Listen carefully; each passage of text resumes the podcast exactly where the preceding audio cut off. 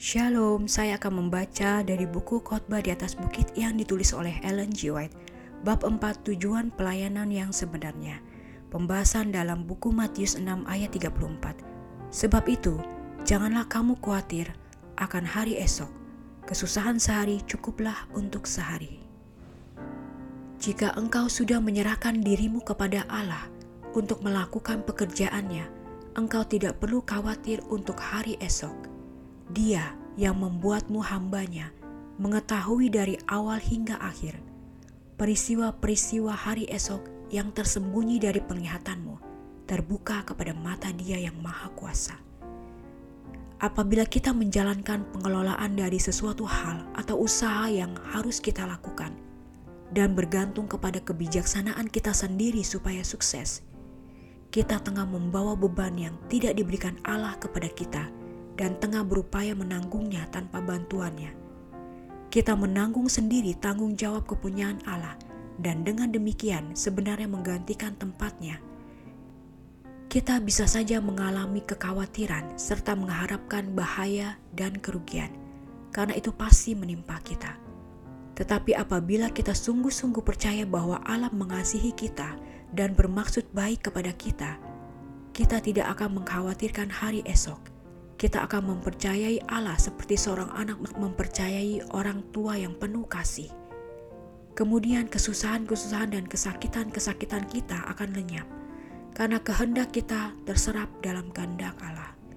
Kristus tidak memberikan janji pertolongan kepada kita untuk memikul hari ini beban hari esok. Dia telah mengatakan, "Cukuplah kasih karuniaku bagimu." 2 Korintus 12 ayat 9 tetapi bagaikan mana yang diberikan di padang belantara, kasih karunia-Nya diberikan setiap hari untuk keperluan hari itu. Bagaikan rombongan besar bangsa Israel dalam kehidupan mereka sebagai musafir, kita dapat memperoleh pagi demi pagi roti surga untuk bekal hari itu. Satu hari saja milik kita, dan sepanjang hari ini kita harus hidup untuk Allah karena hari yang satu ini kita harus tempatkan di tangan Yesus dengan pelayanan yang sungguh-sungguh semua maksud dan rencana kita.